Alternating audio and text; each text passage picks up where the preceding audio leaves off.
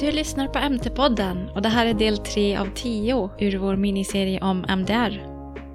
Avsnittet handlar om den unika produktidentifieringen, även kallad UDI från engelskans Unique Device Identifier. Och jag kommer berätta grundläggande och förenklat om vad det är för något och hur det fungerar.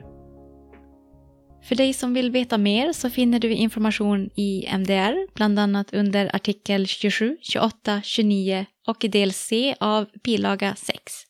Det här ämnet är lite av en djungel, så om du behöver veta exakt vad som gäller för en UDI för en specifik produkt så måste du sannolikt gå in och läsa alla om och men angående märkningen. UDI är en del av det system som används för produktidentifiering som sagt. Den placeras av tillverkaren på ett ställe som är accepterat av MDR. Här finns det som sagt många om och men, så jag går inte in på vart den får placeras, men vanligast är att du finner den på den medicintekniska produkten. Det finns flera undantag från det här, men det enda jag kommer nämna är undantaget gällande mjukvara och jag kommer förenkla rätt mycket här bara så att du får en uppfattning. Hur en mjukvaran levereras så ska UDI tillhandahållas användare på en lättläslig skärmbild, antingen i en om mjukvaran-fil eller som en del av startskärmsbilden. Vid en elektronisk visning av UDI krävs enbart den mänskliga läsbara delen, alltså HRI, som jag snart kommer berätta mer om. Om du med tillverkaransvar ompaketerar eller märker om medicintekniska produkter med din egen märkning så måste du samtidigt föra register över den ursprungliga UDIen. Rent visuellt så är UDI uppbyggd av två olika delar, en streckkod eller QR-kod överst och en alfanumerisk kod under. Dessa två tillsammans kallas för UDI-bärare. Streckkoden eller QR-koden kallas för AIDC som står för Automatic Interface Data Capture. Det här är då såklart en del som en dator kan läsa av.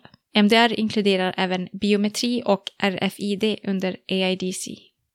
Den alfanumeriska koden kallas för HRI och står för Human Readable Interface. Det är en mänskligt läsbar tolkning av UDIen, alltså för att vi som inte är datorer ska kunna läsa också. Om du tycker att du känner igen det här från existerande utrustningar så är det inte så konstigt.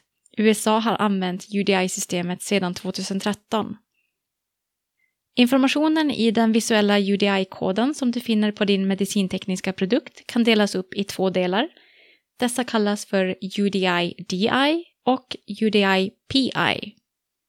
UDI-DI är den primära identifieraren för produktens modell det är en numerisk eller alfanumerisk kod för att komma åt informationen som lagras i UDI-databasen.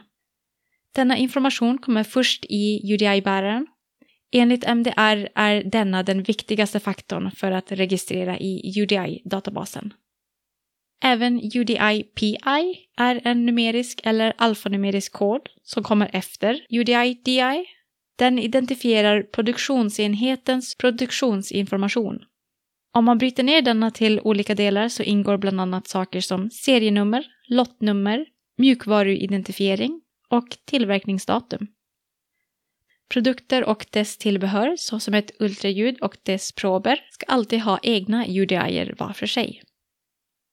Allt jag nämnt nu om UDI ska såklart dokumenteras och finnas tillgängligt i UDI-databasen som jag tidigare nämnde. Det är en del av Udamed där man laddar upp bland annat information angående UDI. Informationen ska finnas där innan den medicintekniska produkten placeras på marknaden. I talande stund, alltså februari 2022, är JudaMed frivilligt eftersom det inte är färdigt. Och fram tills att JudaMed blir klart så är det Läkemedelsverket som man måste registrera hos. MDR påpekar dessutom att bara för att du laddat upp informationen om UDI så gör det inte att du uppfyller kraven som ställs. Det måste vara spårbart och att till exempel produktens förpackningsnivåer ska vara knutna till varandra. Exempelvis att individuella förpackningar knyts till exempelvis det 10-pack som du köper dem i, som i sin tur knyts till produktionen i fabrik. Du har lyssnat på MT-podden och detta var avsnitt 3 av 10 ur en miniserie som syftar till att introducera medicintekniker till MDR. MT-podden görs i samarbete med Lars Karlsson och Svensk Medicinteknisk Förening. Glöm inte att följa oss på LinkedIn och som vanligt kan du även mejla frågor och funderingar till nyfiken.mtpodden.se. På återseende!